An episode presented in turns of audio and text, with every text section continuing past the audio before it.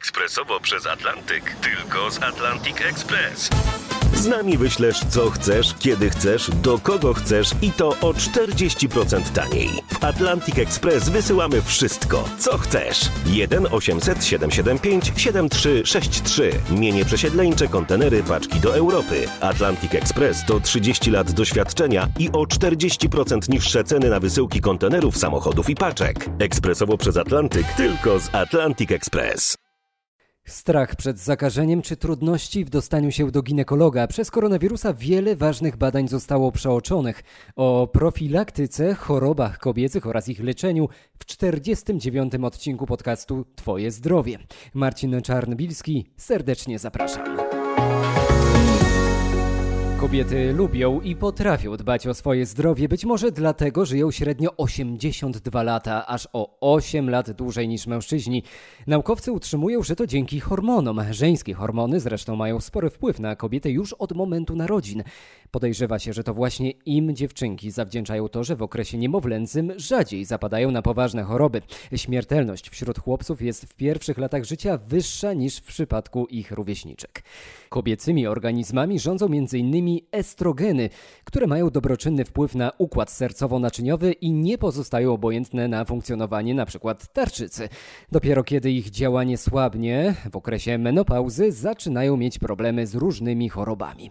Ochronić przed nimi mogą badania profilaktyczne. O tych, które przez epidemię koronawirusa zostały zaniedbane, mówi ginekolog Tomasz Basta. Każda osoba, która się bała, raczej na początku przynajmniej wszyscy się obawiali i, i słusznie, e, no nie wychodziła z domu, nie było żadnych kontaktów, czyli tak naprawdę wszystkie diagnostyki, cytologia, USG ginekologiczne, USG piersi, mamografia piersi, czy, czy nawet samo badanie piersi, podejrzewam, że większość pacjentek w ogóle zapomniało o tych rzeczach. I to jest najlepszy moment, by przypomnieć paniom, badajcie się.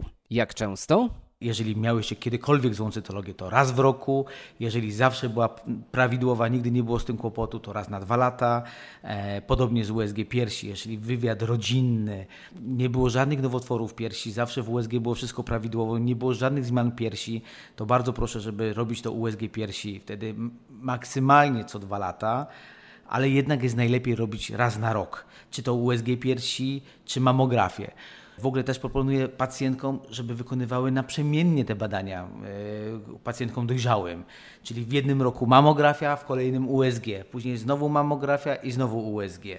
I pamiętajcie, drogie panie, naprawdę, jeżeli przeprowadzacie procedurę samobadania piersi, e, którą należy wykonywać u kobiet miesiączkujących zaraz po miesiączce, bo wtedy najłatwiej jest badać te piersi, Stańcie chwilę przed lustrem, popatrzcie, czy te piersi wyglądają tak jak zawsze.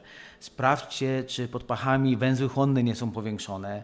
E, dokładnie przemasujcie każdą pierś, a na końcu dotknijcie brodawki, czy nie ma jakiejś ropnej czy krwistej wydzieliny.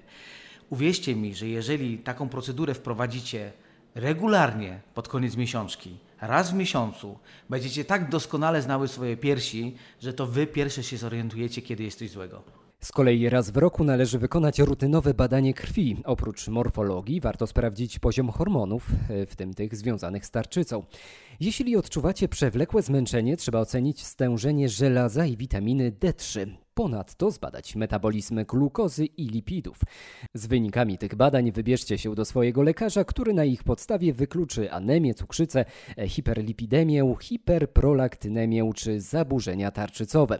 Ponadto w domu możecie wykonać podstawowe pomiary. Brak aktywności fizycznej przez czas pandemii mógł spowodować niekorzystną zmianę BMI, czyli indeksu masy ciała. Pamiętajcie, że nadwaga i otyłość współistnieją z nadciśnieniem i chorobami serca.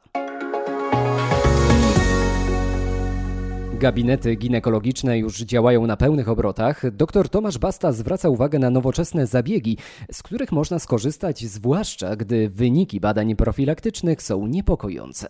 E, no tak, e, wiemy, że już ten okres pandemii znaczy dalej trwa, ale e, już wiemy troszkę więcej, jak sobie z tym radzić.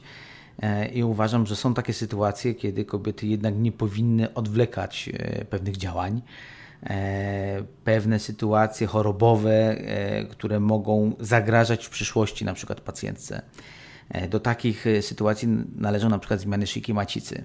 Jeżeli mamy w rozpoznaniu, w cytologii, na przykład jakąś dysplazję szyjki macicy albo zmiany małego stopnia, e, ascus, LSIL, to są zmiany nabłonka, które dysplastyczne nabłonka szyjki macicy, które mogą w przyszłości prowadzić do powstania nowotworu szyjki macicy. Takie zmiany, jeżeli są na wczesnym etapie wyłapane, E, mogą e, być e, usunięte, czy poprzez działanie lasera, czy, czy użyciem RF-u i wtedy należy to zrobić jednak jak najszybciej. Tym bardziej, jeżeli mamy rozpoznane infekcję wirusem HPV. To jest wirus właśnie brodawczaka ludzkiego, który jest odpowiedzialny za powstawanie tych zmian szyjki, jak również za powstawanie kłychcin, czyli brodawek w okolicach intymnych to można łatwo usunąć laserem albo właśnie ściąć RF-em. Innym takim, takim schorzeniem, które też nie należy odwlekać z wizytą u ginekologa, no to są problemy z nietrzymaniem moczu. E, trzeba wiedzieć, jak się nietrzymanie moczu już rozpocznie, czy to wysiłkowe, czy naglące, to jednak samo nie ustąpi. Będzie się to nasilało coraz bardziej. Dlatego dobrze pójść do specjalisty, do uroginekologa, który rozpozna ten temat i zaproponuje jak najbardziej, jak najmniej inwazyjną metodę leczenia tego problemu. Też należy pamiętać o tym, że jeżeli jesteśmy po porodzie, po cięciu cesarskim, e, mamy bardzo brzydką bliznę e, po tym cięciu, mamy potężne rozstępy, to jeżeli odczekamy, to z tym już nic nie możemy zrobić, z tego względu, że one się utrwalą i niestety jest problem z usunięciem tych zmian. Dlatego świeże blizny, świeże rozstępy jesteśmy w stanie naprawdę bardzo łatwo rozbić, yy, praktycznie zniwelować z użyciem laseroterapii. Tyle ginekolog Tomasz Basta. Drogie panie, odwiedzajcie swoich ginekologów, badajcie się, nie zapominajcie o profilaktyce.